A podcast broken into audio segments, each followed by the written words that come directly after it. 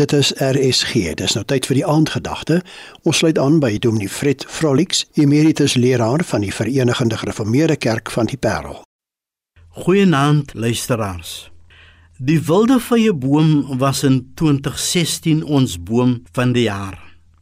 Hy word ook genoem die wurgvy omdat hy op 'n gasheerboom groei en dit stelselmatig doodwurg. Jy sien dit voor Kaapstad stasie en erken dit aan sy lowerryke kroon. Dit is een van die bekendste bome in die Bybel, danksy sy gees. Maar in Amos 7 vers 14 sê Amos vir Amasia dat hy 'n veewagter is en kweker van wilde vye bome.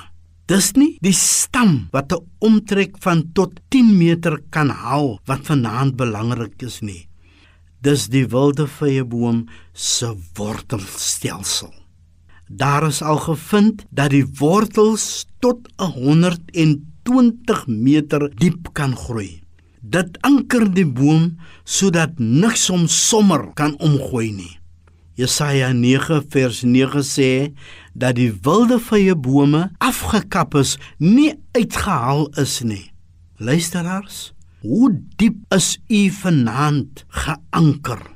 As u 'n ouer is, as u 'n bestuurder of in 'n gesagsposisie is, moet u soos 'n wilde vye boom geanker wees, want u dra die lower waarin ander geborge moet voel.